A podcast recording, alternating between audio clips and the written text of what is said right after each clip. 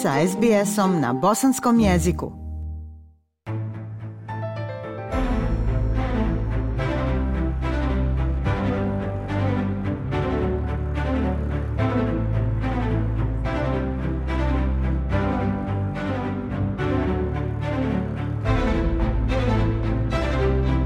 Slušate SBS program na Bosanskom. Nova studija Monash Business School je analizirala veliki broj aplikacija za posao i primijetila da su kandidati s imenima koja zvuče strano ili koja su povezana s određenim etničkim grupama često manje pozivani na razgovor za posao. I to je jasan pokazatelj pristrasnosti i diskriminacije. Nova studija pokazuje da engleska imena imaju prednost u prijavama za posao u odnosu na etnička imena. Vodeće tijelo koje predstavlja multikulturalne Australce tvrdi da je potrebno više raznolikosti u procesima zapošljavanja radi razvoja ekonomije. Prilog Omo Habeloa. Nova studija pokazuje da je diskriminacija i tekako prisutna u australskoj industriji zapošljavanja i doseže čak i do imena osobe. Studija koju je sproveo Monash Business School trajala je dvije godine i obuhvatila je slanje 12.000 molbi za posao na više od 4.000 oglasa za posao u Melbourneu, Sidneju i Brisbaneu u 12 različitih zanimanja istraživači su se posebno usredotočili na liderske pozicije. Vodeći istraživač, profesor Andreas Liebrandt, kaže da je studija prvenstveno fokusirana na liderske pozicije. So what we have done is we have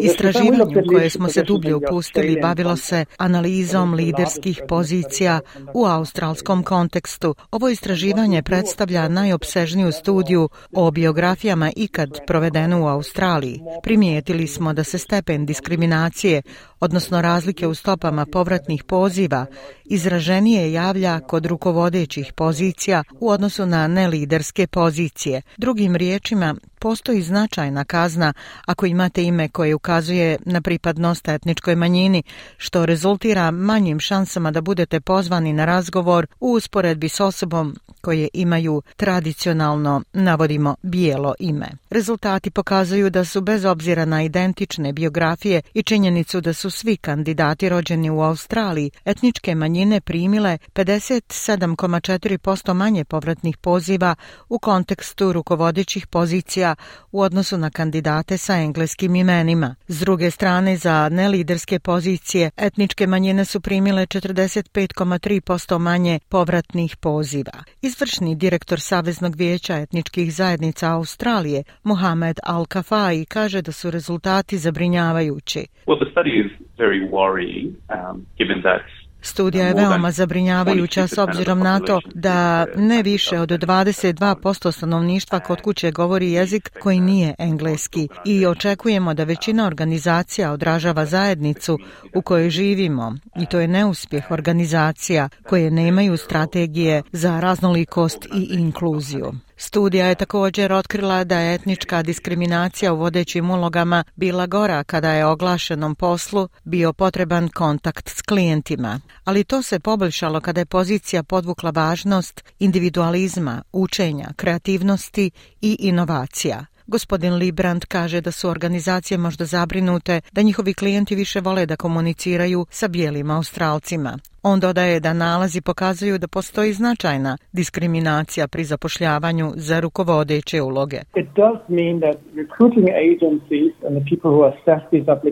To znači da agencije za zapošljavanje i stručnjaci koji procjenjuju ovi prijave koriste imena kao faktor za procjenu prikladnosti kandidata. To je vrlo problematično jer samo ime ne odražava sva ostala iskustva kandidata. U stvari, ime samo signalizuje da su naši kandidati Hrvati odrasli u Australiji i da su australskog porijekla. Gospodin Librand kaže da stereotipi i opšti prototipi rukovodstva mogu poslužiti za donošenje odluka tako da kandidati sa engleskim imenima mogu biti poželjni za rukovodeće uloge. Gospodin Librand vjeruje da iako su mnoge firme efikasno uvele prakse i politike različitosti, one također moraju razmotriti načine da uzdignu ljude iz nedovoljno zastupljenih grupa na rukovodeće poslužnje pozicije. Timi Oladeinde je stručnjak u području razvoja talenata i tranzicije u karijeri. On kaže da svaka osoba, bez obzira na porijeklo, zaslužuje priliku da napreduje i ostvari svoj puni potencijal. Gospodin Oladeinde i sam, obrazovani migrant, vjeruje da izbjeglice i ljudi različitog etničkog porijekla nude različite sposobnosti i iskustva koja mogu ojačati društveno, kulturno i ekonomsko tkivo njihovih radnih mjesta. A name shouldn't determine if you know, if someone is suitable for Ime ne bi smjelo biti presudno za određivanje prikladnosti nekoga za tu poziciju. Zbog toga postoje nekoliko ključnih tačaka koje bi mogle pomoći u povećanju raznolikosti u industriji zapošljavanja. Jedna od najvažnijih tačaka je mentorstvo i programi mentorstva koji bi se mogli uspostaviti za iskusne rekrute s ciljem podrške i usmjeravanja pojedinaca iz bjegličkog porijekla. Također, važno je da se sam proces rekrutiranja može prilagoditi pregledati, modificirati kako bi se povećala praksa regrutiranja. On ističe da se nedostatak vještina u Australiji može prevladati kroz poboljšanu praksu uključivanja u industriju zapošljavanja. We're not looking in the right places. We have people. They just need to be given the opportunity. Imamo puno talenata u našoj zemlji, ali često propuštamo priliku da ih iskoristimo. Umjesto da tražimo prava mjesta za ove talente, trebamo im samo dati priliku. Često se dešava da ne možemo zadržati prave talente i umjesto toga dovodimo ljude iz inostranstva.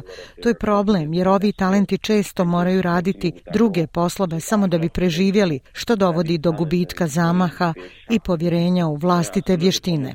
Gospodin Alkafa, izvršni direktor Saveznog vijeća, vijeća etničkih zajednica Australije preporučuje da organizacije trebaju imati plan raznolikosti i inkluzije. Također je važno da menadžeri za zapošljavanje budu dobro obučeni kako bi se osigurala provjera nesvjesne pristrasnosti. We need to make sure that blind recruitment process is in place Treba se pobrinuti da postoji proces lijepog zapošljavanja gdje se uklanja ime osobe kako bi se izbjegla nesvjesna pristrasnost. Neprihvatljivo je da ljudi različitog porijekla budu nesvjesno diskriminisani. Ovo je jasan primjer strukturnog rasizma koji moramo riješiti. Gospodin Alkafa ističe da organizacije trebaju shvatiti da je raznolikost prednost, a ne rizik.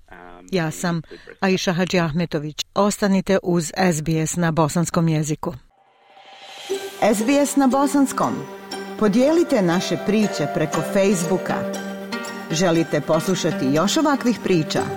Slušajte preko Apple podcasta, Google podcasta, Spotify ili kako god da primate svoje podcastove.